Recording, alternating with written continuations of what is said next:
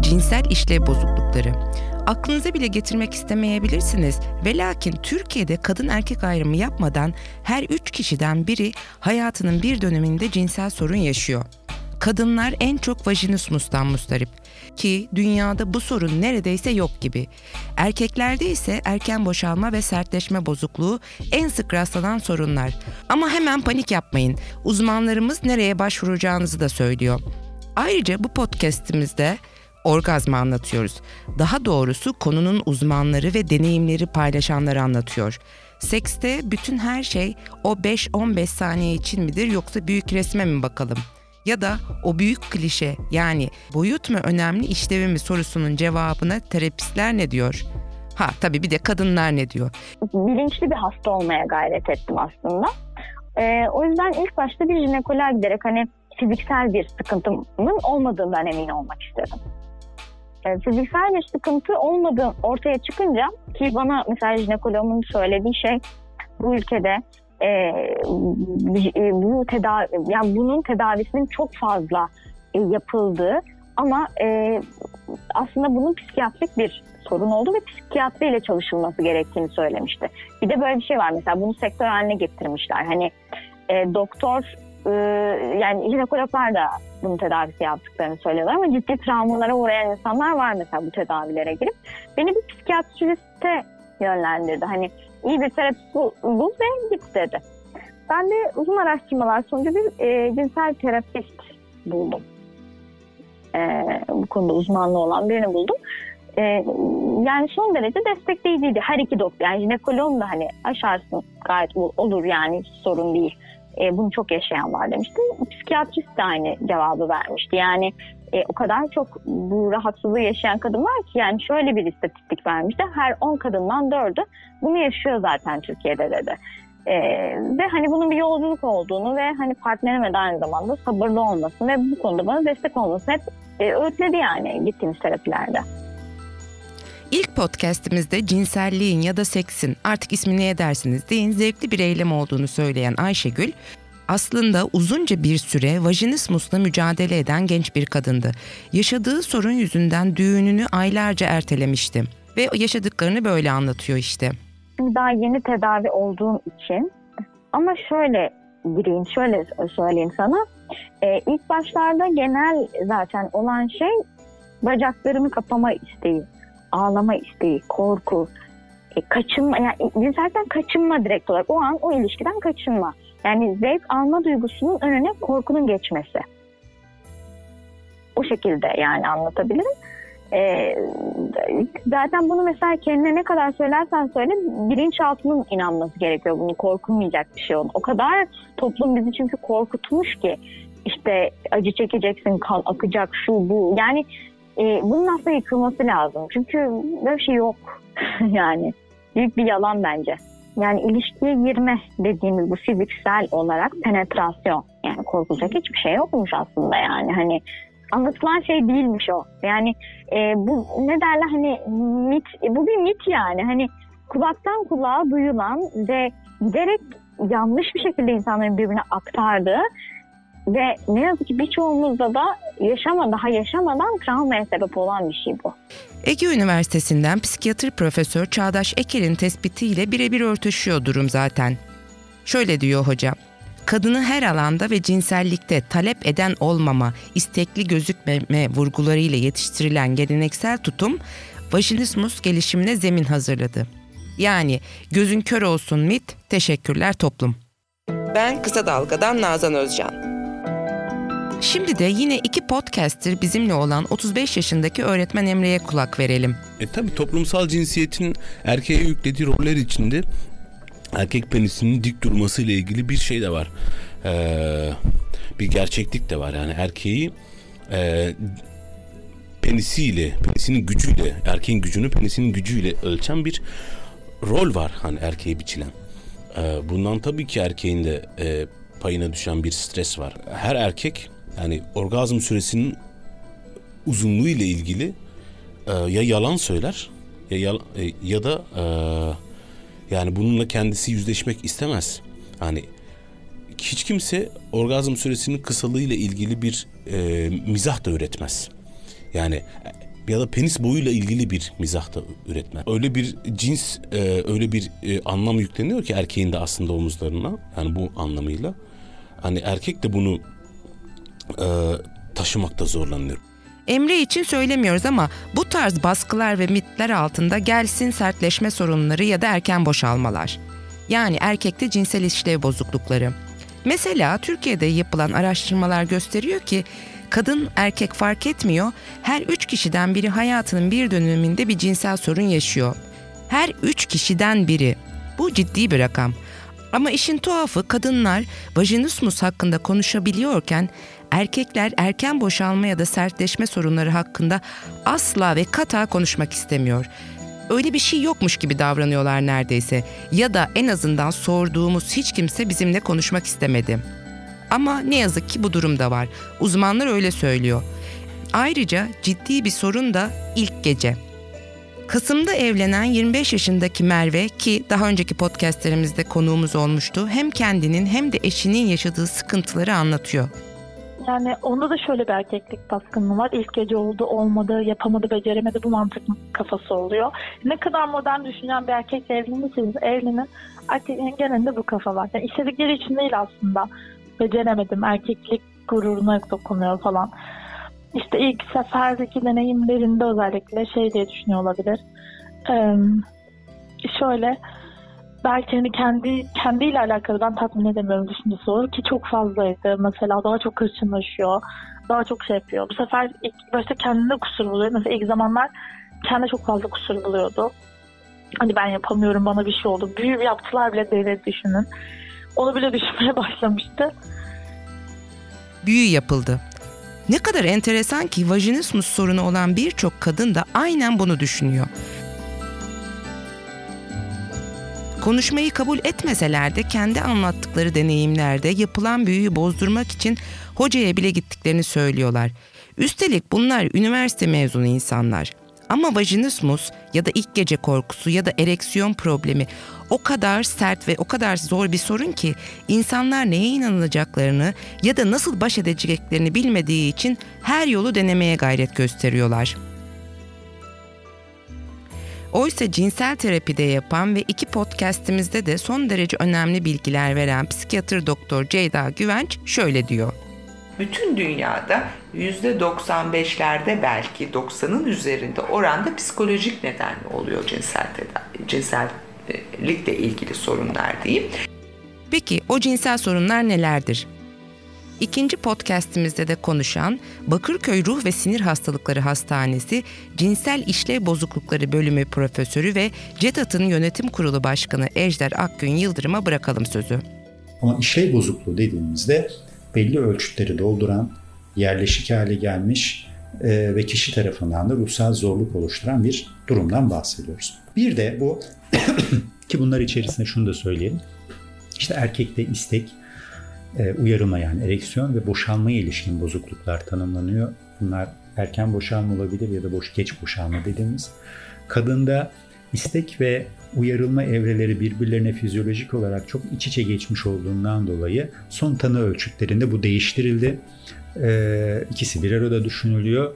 Bir e, orgazm olamama ya da zor orgazm olmak gibi orgazm güçlüğünü tanımlayan bir tanımız var. Ama bütün bunların dışında bir de cinsellik yaşanması sırasında yerleşik hale geçmiş e, sorunlar var ki bu da e, geçmişte vajinismus ve ağrılı birleşme olarak ayrılan günümüzde birleştirilen bir tanı olarak e, cinsel ağrı bozuklukları e, şeklinde ya da cinsel birleşme zorlukları şeklinde birleştirilen bir tanı olarak var ki bunun içerisinde korku nedeniyle ya da ağrı nedeniyle ya da herhangi bir nedenle bu eylemleri yaparken zorlanma var.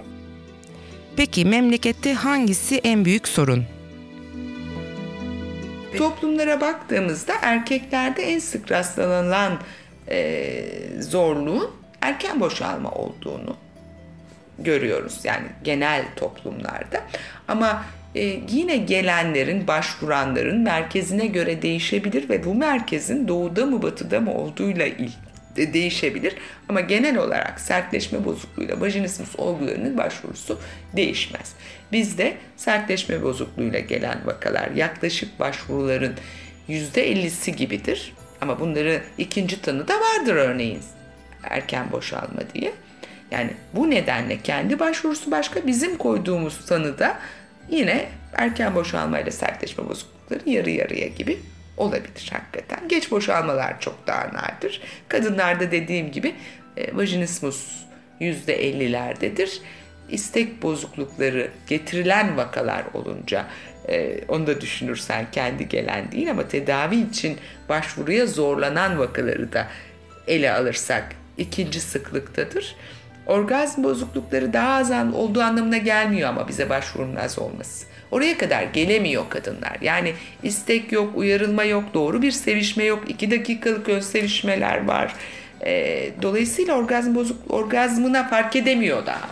Hala ülkemizde birinci sırada başvuru nedeni birleşememe sorunlarıdır ve bu birleşememe sorunları da çoğunlukla e, vajinismus dediğimiz kadının e, birleşme sırasında yaşamış olduğu ağrı, korku ya da kasılmaya bağlı olan durumdur. Hala %40 ila %60'ı arasındaki durum kliniklerde bu nedenle olmaktadır.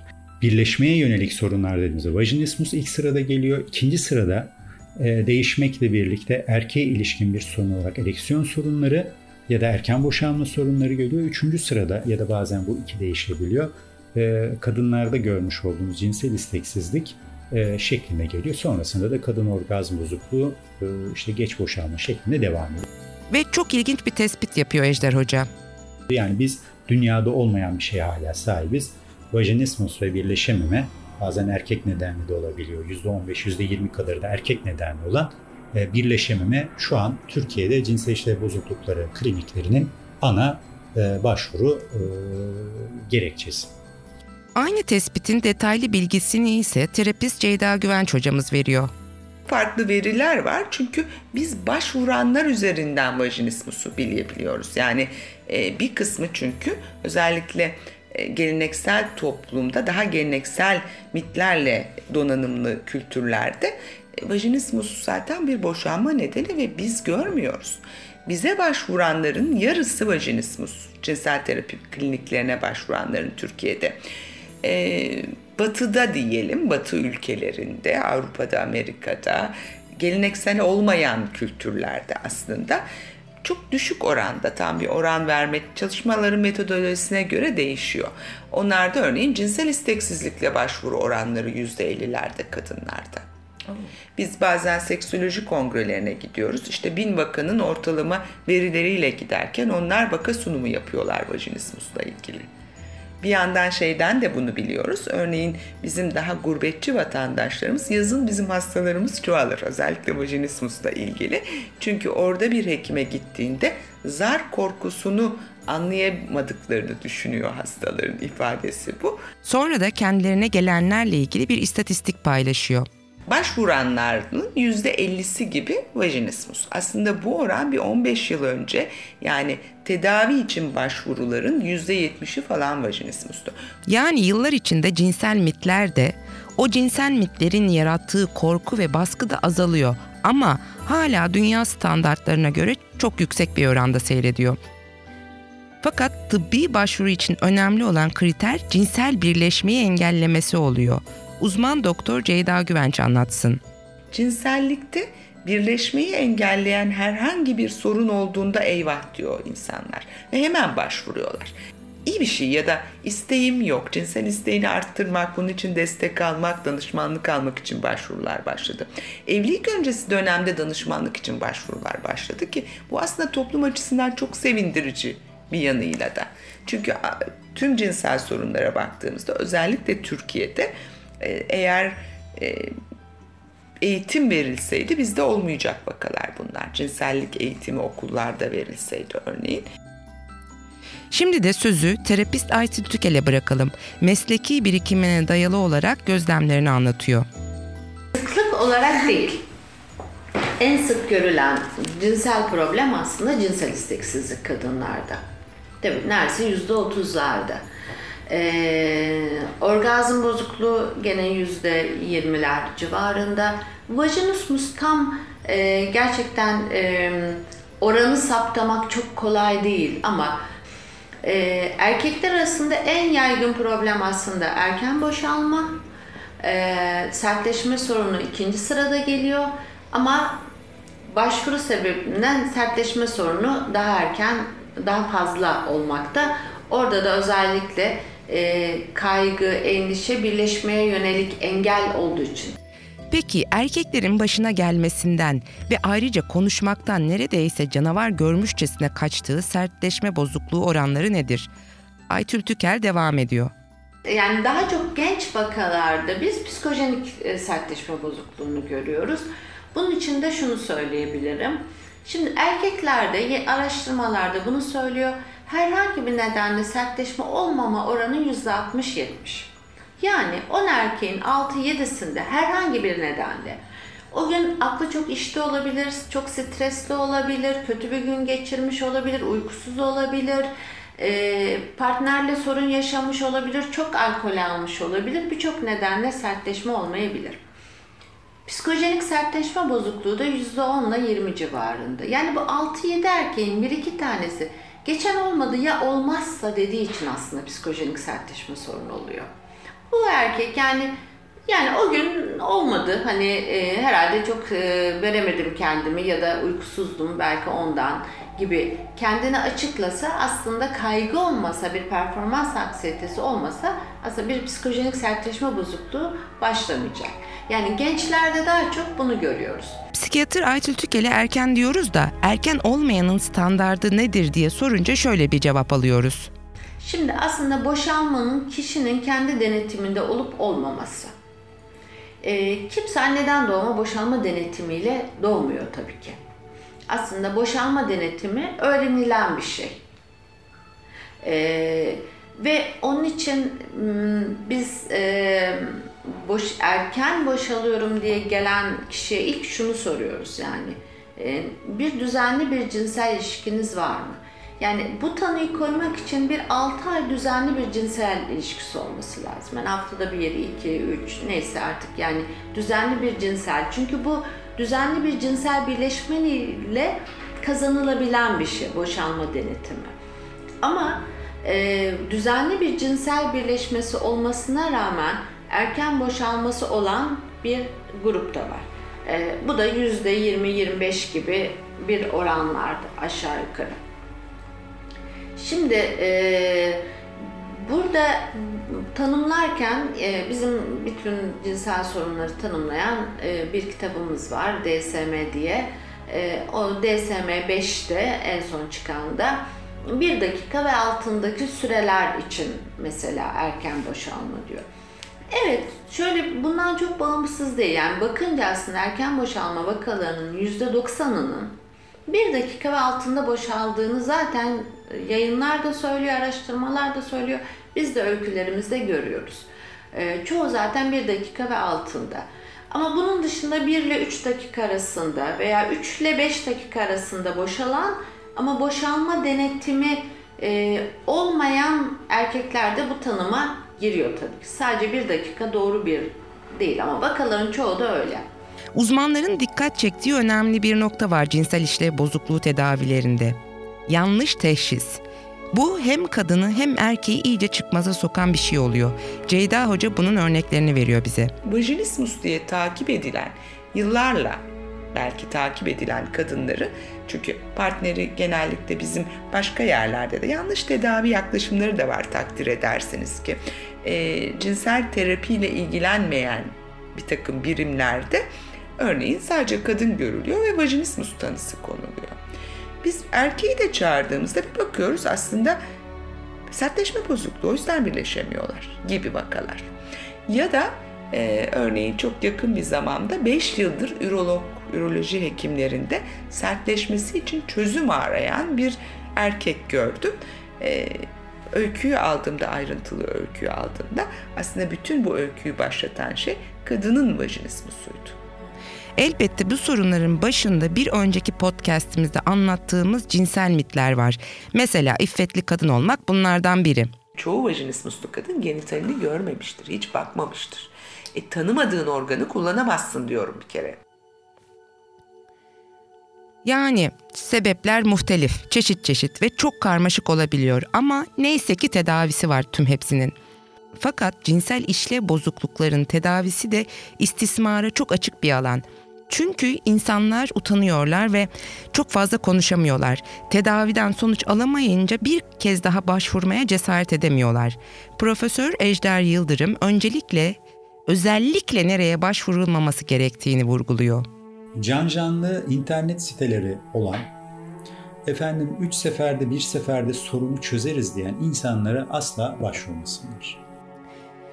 Peki bu konudaki doğru adresler nelerdir sorusunun cevabı da şöyle oluyor. Cinsel işlev bozuklukları klinikleri var. Buralara başvurabilir. İkincisi eğer ki özellikle doğrudan organında bir sorun yoksa, yani neyi kastediyorum? Örneğin peniste bir damar sorunu olabilir. Ee, işte bir geçirilmiş hastalık olabilir. Vajinada bir anomali olabilir. Hani buna bağlı durumlar varsa mutlaka o organın uzmanına yani bir jinekoloğa ya da bir e, üroloğa gitmelidir.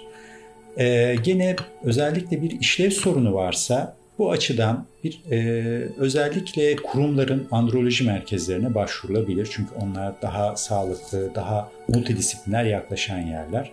Gerçekten bu açıdan bizim CETAT olarak birlikte çalıştığımız jinekologlar var. Bunlara gidilebilir. E, kadın e, organındaki e, özellikle organik diyeceğimiz yani yapısal sorunları ele almak açısından. Ama onun dışında başvurulması gereken yer cinsel terapiler aralığında uzmanlaşmış bir ruh sağlığı uzmanıdır. E, maalesef cinsellikle ilgili cinsel sağlık alanı da dünyada en fazla yanlış e, tedaviyle birlikte pazar oranına sahip. Bunlar bazen sadece bununla ilgili değil. İşte Çin kökenli merdiven altı haplar bunların çoğu gerçek ilaç içermekte bu ilaçların dozlarını bilmiyorsunuz. Bazen ani ölümlere yol açıyor bunlar. Ee, işte merdiven altı ürün alıyor, bitkisel takviye aldım diyor, oh diyor ilaç kullanmadım diyor. Bazen böyle yapıyorlar ya da bazen dediğim gibi uzmana gidiyorlar, uzman dediklerine göre. O nedenle bizim önerimiz CETAD'ın sayfasında bir sürü uzman ismi vardır. Hani mümkün mertebe onlara başvursunlar. İnternetten cetad.org'dan ulaşabilirsiniz. Öte yandan bir şeye dikkat çekmek lazım. Geçenlerde bir eczanede duran dik dur eğilme Viagra seninle sloganı epey komik evet ama sakın aldanmayın. Bizi Kısa Dalga Net ve podcast platformlarından dinleyebilirsiniz.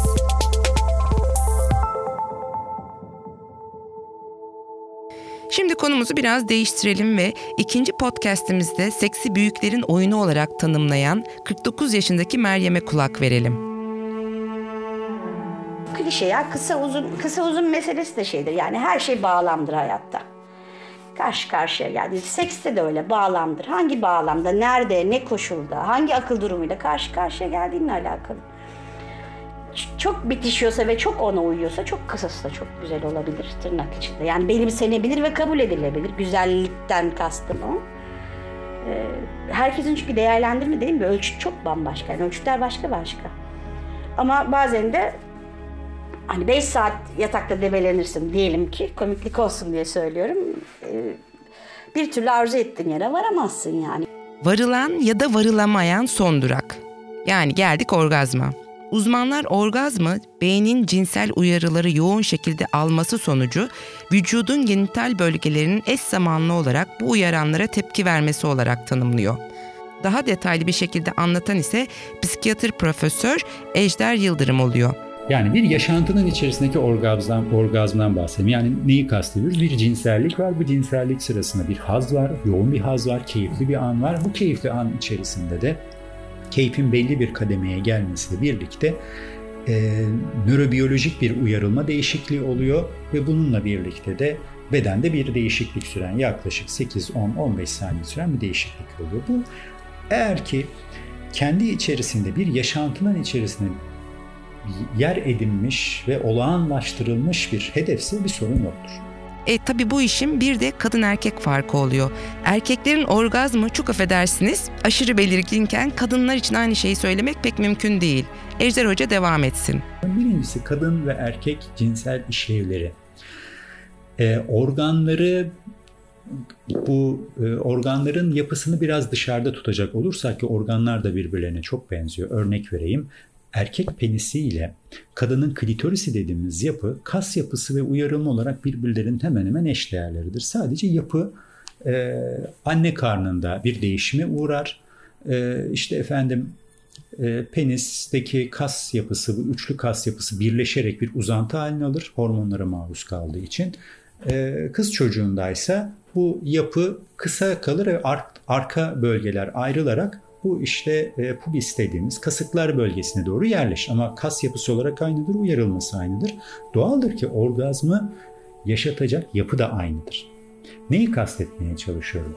İster bir kadın açısından klitoral dediği yani vajina içine girmeden yapılan uyarılmayla orgazm olsun ister bu vajina içine bir şeyin e, girmesiyle oluşan yani işte amiyane tabirle koit dediğimiz birleşmeyle olan orgazm olsun orgazm aynı organ tarafından yapılır. Nedir? Klitoris. Yani klitorisin ister kökü uyarılır ya da ister klitorisin e, başı ya da gövdesi uyarılır fark etmez. Sonuçta erkek orgazmı kadın orgazmının birinci benzerlikleri e, penis ya da klitoris denen organların belli bir e, süre uyarılmaları ve bu uyarılma sonucunda merkez sinir sisteminde ağırlıklı parasempatik olan uyarılmanın sempatik, halk deyimiyle daha böyle noradrenalin, adrenalin tarzı dediğimiz farklı bir uyarılma silsilesine geçmesidir.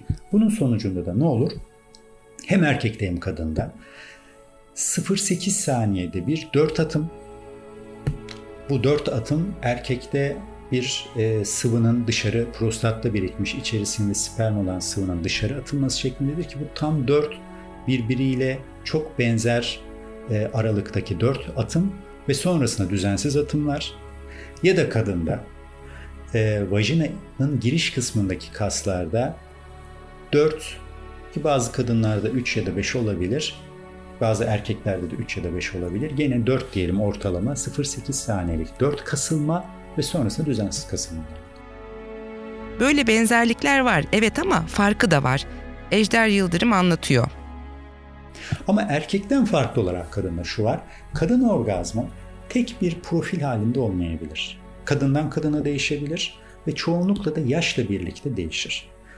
Ee, erkek ya da kadın cinselliğinde sanılanın aksine yaşla birlikte cinsel kapasite, cinsel keyif ve cinsel beceri artar. Yani öyle genç yaşlarda çok daha işte yoğun cinsellik vesaire dense de e, erkek ve kadın cinselliğin aslında en güçlü olduğu dönemler 40'lı yaşlardır. 30'lu yaşların sonu ve 40'lı yaşlar çünkü cinsellik öğrenilmiş, cinsel haz geliştirilmiş, cinsellik üzerine kontroller daha da artmıştır. Ne, ne zaman ama bu? Tabii ki sorunsuz, kişinin rahat olduğu cinsel mitlerle ilişkili hani kaygıların en, en aza indiği dönemi kastediyoruz. O yüzden bir kadının orgazmı da erkekten farklı olarak yaşla birlikte daha kolay, daha keyifli, daha güçlü hale gelebilir. Yani amiyane tabirle söylersek kırkından sonra azın teneşir filan paklamıyor. Aksine kırkından sonra en iyisi oluyormuş hanımlar beyler. Daha da hoş bir bilgi terapist Ceyda Güvenç'ten geliyor. Kadınlar artık orgazmlarını istiyorlarmış. Bu talep aklımıza birkaç yıl önce bir iş yeri hekimi olan arkadaşımızın anlattığı hikayeye getirdi. Arkadaşımız fabrikalarda çalışan işçi kadınlarla yaptığı konuşmada orgazm oluyor musunuz yoksa sadece eşinizin orgazm olması yeterli mi diye sorduğunda bir işçi kadın babamın hayrına mı yapıyorum herhalde doktor hanım diye cevaplamış. Şimdi solcu abiler biraz kızacak ama kızarlarsa kızsınlar. İşçi kadınların haklı talebi engellenemez. Ki Ceyda Hoca da aynı bunu söylüyor. Hemen hemen her sosyokültürel durumdan kadın bunun peşine düşebiliyor. Eskiden mesela çok bilinmezdi. E, komşu görüşmesinde falan öğrenirlerdi kadınlar da orgazm oluyormuş diye. Ama şimdi medyanın aslında hakikaten burada rolü de var. Kadın hazzı önemsenmeye başladı. Yani artık kadınlar ben orgazm olamıyorum doktor hanım diye başvuruda bulunuyorlarmış ki uzmanlar bunu iyi bir gelişme olarak görüyor. Ceyda Hoca devam ediyor. Aslında orgazm olamıyorum diye gelen kadınlar var. Birleşmeyle orgazm olamıyorum diye gelen kadınlar da var. Orgazm oluyorum ama birleşmeyle değil. Bu hakikaten iyi bir bilinç. Ee, istek, orgazm bozukluğu pek tek başına olmaz. Peşine istek ve uyarılma bozukluğu da eklenir ikincil olarak. Biz ama hep e, cinsel terapinin çiftle yapılması gereğini düşünüyoruz. Tek başına geldiğinde hakikaten orgazmı öğretiyoruz onlara. Ama çift terapisinde çok bir kısmında orgazm bozukluğu olan kadınların bir kısmında partnerlerinde cinsel sorun görüyoruz. Erken boşalma örneğin ya da çok kısa ön sevişmeler. 1-2 dakikayla kadınlar hazır olamaz aslında. Böyle başlayan süreçlerde uyarılmamayla ilgili orgazm olamıyor. Çoğu kadın başvuran, çoğu kadın. Ve bunları hani daha e, haz odaklı sevişmeyi öğrettiğimizde bir şey yapmadan kadınlar orgazm oluyor. Çünkü uyarılmıyorlar. Hani cinselliği biz istek, uyarılma, orgazm diye tanımlarız. Uyarılmanın belirtisi kadında ıslanmadır. Ama sadece bir görünen belirtisi budur. Bedensel hazın yükselmesi de vardır. Bu olmadığında yani istek olmadığında uyarılma olmuyor. Uyarılma olmadığında orgazm olmaz zaten.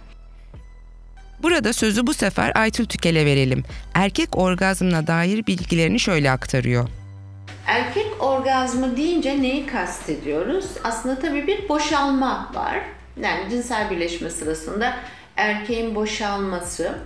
Ama boşalma kadar önemli olan haz da var yani. Erkek orgazmı deyince de haz. Çünkü bazen anhedonik boşalma dediğimiz yani erkek boşalıyor ama haz duygusunu almıyor. Böyle bir tanı var. Yani onun için her çoğun kez erkek boşalmasına orgazm yani bir haz da eşlik eder. Ama etmediği durumlarda olur bu anhedonik boşalma gibi. Ve elbette o meşhur tartışma. Klitoral orgazm mı, vajinal orgazm mı? Aytil Tükel şöyle anlatıyor. Şimdi kadında tabii ki orgazm daha farklı. Yıllarca kadın orgazmı ile ilgili sanki e, klitoral orgazm daha immatür bir orgazm gibi tanımlanmış. Oysa ki kadının e, cinsel olarak uyarılan bölgesi daha çok klitoris. Yani kadının klitorisinde yaklaşık 8000 sinir ucu var. Yani aslında en fazla uyarılmaya e, uyarılan bölgesi orası. Yani vajina vajinanın ilk girişinde sinir uçları var. Şimdi e, bu kadınların üzerinde de cinsel birleşmede orgazm gibi bir şey aslında hani öylesi normal olmalı, diğeri immatür bir orgazm gibi bir baskı oluşturan bir şey oldu. E, şimdi burada e, kadının klitorisinin uyarılması çok önemli. Bu ön sevişmede yeterli bir uyarı alıyor mu kadın? Erkek klitoris uyarısını ne kadar doğru yapıyor? Yani burada da bir takım etmenler var klitoris uyarısı için. Ee, ve e, ön sevişmede belli bir uyarı düzeyine çıkıyor mu? Birleşme sırasında kadınların daha çok orgazm olduğu belli pozisyonlar vardır. Örneğin kadının üstü olduğu pozisyon gibi. Neden? Çünkü orada kadının klitorisi erkeğin bedenine bir şekilde temas eder. Şimdi burada da belki şu önemli. Bazen kadınlar da bu orgazmı kendileri için çok olmazsa çok mutsuz oldukları bir şey haline getirebiliyorlar. Burada da evet yani erkek diyelim boşaldı yani bir şekilde. Eğer orada kadın yani daha sonra partnerin eliyle uyarıyla orgazm oluyorsa el ya da işte oral yolla ya da kendi mastürbasyonuyla orgazm olabiliyorsa o birleşmeden kadın da cinsellikten mutlu ayrılabilir. Bazen kadınlar için e, süreç önemlidir. Yani orası da haz verir. E, ve dolayısıyla hani orgazm, memnuniyet için orgazm yüzde yüz şart değildir. Daha çok orada mutsuzluğu ne yaratıyor bak, diye bakınca aslında kadının olmam lazım, olmuyorum baskısı kendine ve burada aslında sevişmeye kendini verememesi çok etken oluyor. Ya da erkeğin kadının üzerindeki bir baskısı olabiliyor. Ne olabiliyor? Erkeğin işte olmadın mı gibi bir şey olabiliyor. Ya da benim daha önce partnerlerim oluyordu sen orgazm olmuyorsun falan gibi. Bu da kadının üzerinde bir aslında baskı yaratıyor. Ve birçok kadın da bu sebeple aslında orgazm taklidi yapıyor. Evet, bir meşhur sırra daha geldik işte. Ama önce şunu söyleyelim. Bütün bu bilimsel açıklamalardan şunu anlıyoruz. Büyük resme bakın diyor terapistler. 5 ya da 10 saniye arasına sıkıştırmayın kendinizi. Büyük resim önemli. Fakat büyük resimde bir şey var ki vallahi yapmamış kadın yok gibi. Tabii anladınız. Orgazm taklidi. Meryem anlatsın. Elbette, elbette. Ha evliliğimde, hayır evliliğimde yapmadım. Hayır. Evliliğimde yok. Nasıl yani? Böyle bir ihtiyaç, çünkü çok e, şeydi yani nasıl söyleyeyim uzun sürmüş bir beraberlikti. Bazen bitsin diye, çabucak bitsin diye. Ee, bazen e, bir sonraki e, beraberliğe bir şey yapmak için, hazırlık ya da bir oraya bir, bir işaret koymak için yapabiliyorsun böyle şeyleri. Oynamak için yapıyorsun bazen. Karşındakinin ne kadar e, nasıl söyleyeyim mevzunun içinde ve dışında olup olamayacağını anlamak için yaptığın zamanlar oluyor. E, yani mecbur olduğum için yaptım mı diye soruyorum kendime çok az. 46 yaşındaki halkla ilişkilerci Elif'in cevabı ise başka türlü. Evet yapıyorum. Aslında şöyle eskiden daha çok yapıyordum. Ama yaşla beraber bu değişti. Asıl sebep galiba şu özellikle daha gençken kafamızda bir tablo oluyor. İdeal seksin nasıl olması gerektiğine dair. İşte ancak iki tarafta orgazm olursa seks iyi sayılıyor diye düşünüyorduk. Aslında böyle bir şey yok. O zamanlar yapmamın sebebi ya daha sık yapmamın sebebi aslında birkaç sebep sıralayabilirim. Bir bu dediğim tabloya erişme, bu tablonun gerekliliğini yerine getirme isteği. Bazen karşımdakini rencide etmeme isteği. Çünkü kadın orgazm olmayınca çok bozulabiliyorlar, büyüyebiliyorlar. Bunun önüne geçmek. Bazen çok kızanlar oluyordu. Kadın orgazm olmayınca, sen orgazm olmayınca seni tutmayabiliyorlar. Uzun vadeli bir ilişkiyse bu ilişkiyi sorgulamaya kadar gidiyordu. Bütün bu sebeplerden dolayı orgazm taklidi yapıyordum. Bazen hala yapıyorum. Bir sebep daha var tabii. Bazen gerçekten seks kötü oluyor. Bir an önce bitsin diye. Zeynep ki kendisi 44 yaşında bir montajcı başka bir yerden bakıyor. Hayır orgazm taklidi yapmıyorum. Ee, o anda o sevişmede orgazm olamıyor olabilirim.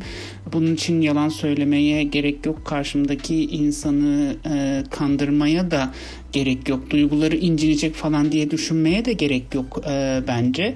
Ama sevişmeye devam e, ediyorum. E, ama böyle aa o sesler çıkararak e, yani çok zevk aldığımı e, gösteren bir şekilde değil. Ee, sonuçta zaten hala biraz zevk alınıyor olabilir. Orgazm olamasam da hala zevk alabilirim ama bunun orgazmın taklidini yapmak bence çok gereksiz. Ayrıca orgazm taklidi yapmamak da gerekir. O sevişmede ya da bir kısmında e, orgazm olamıyorsak e, yapılan e, hareketler nasıl sevişildiği filan e, karşımızdakini yanlış yönlendirebilir ve bu sevişmeler bu şekilde devam edebilir. Ama e, olamadığımızı dürüstçe e, söylersek belki e, daha iyi sevişebiliriz. Daha iyi sevişmenin yollarını arayabiliriz.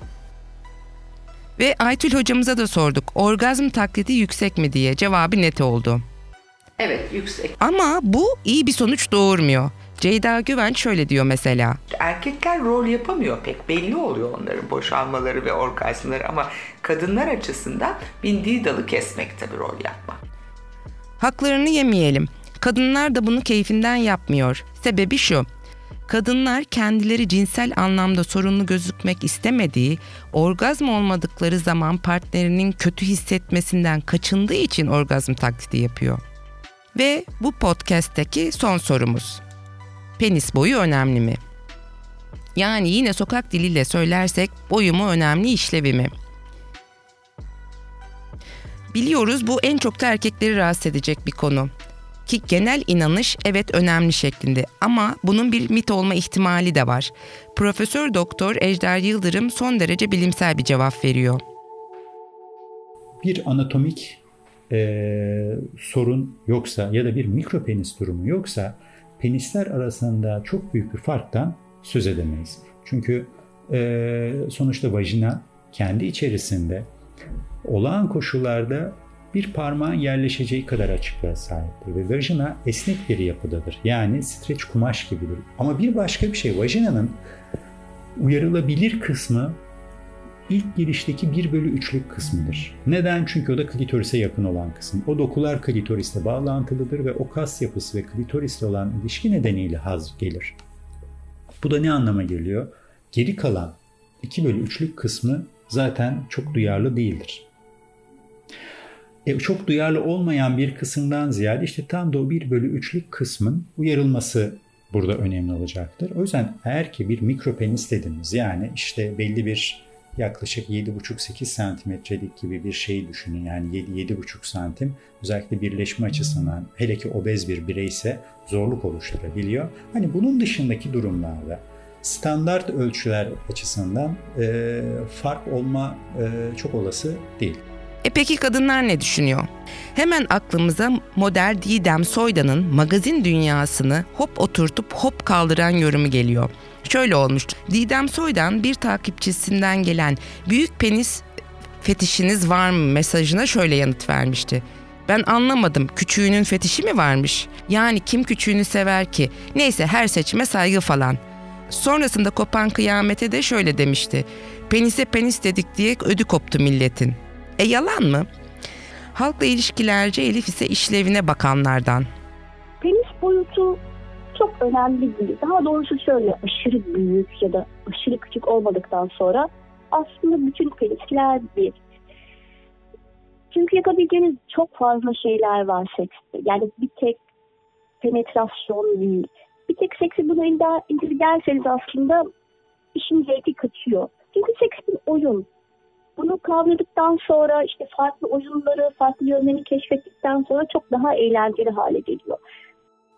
Elif'in fikri bu. Bir önceki podcast'imizde son derece net konuşmasıyla herkesi konuşmaya heveslendirmiş olan Meryem konuyu kapatsın. Bence evet size lies matter. Kesinlikle önemli. önemli evet önemli. Neden önemli? Önemli, önemli değil diye yalan söyler bana kalırsa. Evet önemli, şöyle önemli. Bir kere çok pompalandığı için önemli. Öyle olduğunu düşünüyoruz biz kadınlar. Aksinin işe yaramayacağı fikrindeyiz çok uzun zamandan beri. ha büyük olduğu zaman çok işe yarıyor mu? O da soru işareti net bir şekilde. Ama mümkünse büyük olsun istiyoruz. Yani erkek nasıl mümkünse işte hani atıyorum tabii küçük memeli seven de var ama en azından bu coğrafyada büyük memeli kadın seviyor, büyük kalçalı kadın seviyor. Ya da ne bileyim ele gelsin isteyen, tabii Türkçesiyle söyleyecek olursak. İnsan kendini yani hani karşılıklı olarak birbirine haz verip veremeyeceğini, yine de o boyuttan, penis boyutundan farklı, yani dışında, o penis boyutunun dışında da aslında kavrayabiliyorsun üç aşağı beş yukarı. E bir de üzerine hani kayda değer bir penis gelince daha zevkli oluyor her şey kesinlikle. Erkekler alınmasın ama kadınların şöyle sloganları var. Bilinsin, duyulsun diye söylüyoruz. Kadınlar doyumsuz deniyor da daha bir lokma almadık ki. Diktatör değil, vibratör istiyoruz. Ve haftada en az 3 orgazm. Kulağınız bizde, kısa dalgada olsun. Haber podcastle buluştu. Kısa Dalga Podcast.